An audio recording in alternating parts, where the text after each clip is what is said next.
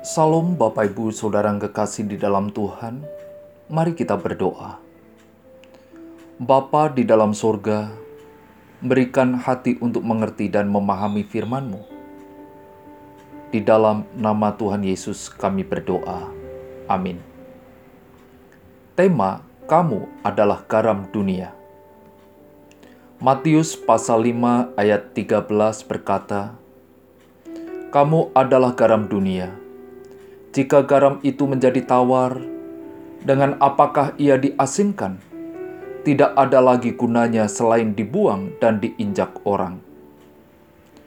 Garam adalah merupakan salah satu kebutuhan yang penting dalam kehidupan manusia Garam sebagai pelengkap dari kebutuhan pangan dan merupakan sumber elektrolit bagi tubuh manusia. Garam akan terurai dalam air yang menghasilkan asam dan atau basa.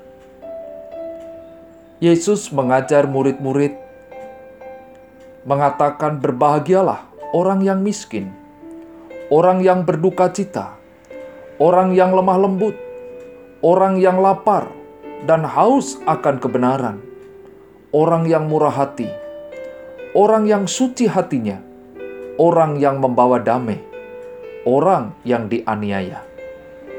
Kemudian Yesus mengajar murid-muridnya menggunakan perumpamaan. Perumpamaan yang dibuat Yesus membantu kita untuk memahami sesuatu dengan analogi yang lebih baik. Ada banyak sekali perumpamaan yang disampaikan oleh Yesus yang menjadi terkenal dan bahkan sering kali kita dengar dan kita ketahui juga. Salah satu perumpamaan Yesus adalah mengenai garam. Keberadaan garam dan hal yang sangat kita butuhkan dari waktu ke waktu. Tanpa adanya garam, maka masakan akan terasa hambar. Ada beberapa fungsi garam garam digunakan sebagai bahan pengawet makanan alami. Proses pengawetan makanan seperti daging dan makanan lain adalah salah satu metode pengawetan makanan tertua yang pernah ada. Metode ini banyak digunakan sebelum lemari es tersedia. Fungsi garam penambah rasa garam bekerja dengan berbagai cara untuk meningkatkan cita rasa makanan.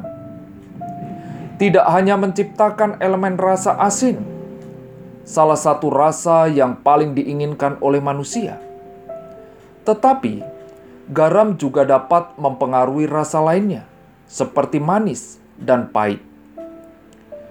Sebagaimana garam diperlukan untuk mengawetkan atau mencegah makanan dari pembusukan, garam juga berfungsi penambah rasa pada makanan. Demikian pula orang percaya dan gereja harus menjadi teladan yang saleh di dunia dan harus melawan kebobrokan moral dan kecurangan yang nyata dalam masyarakat. Kamu adalah garam dunia. Hendaknya kamu berfungsi mengawetkan, memberi rasa. Sebab jika garam itu menjadi tawar, tidak ada gunanya lagi selain dibuang dan diinjak orang. Bagaimana dengan kehidupan saudara? Sudahkah menjadi garam di mana saudara berada? Mari kita berdoa.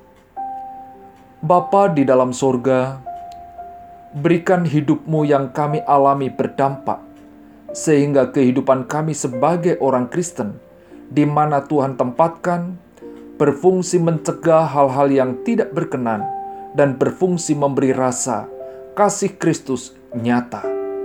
Di dalam nama Yesus, kami berdoa. Amin.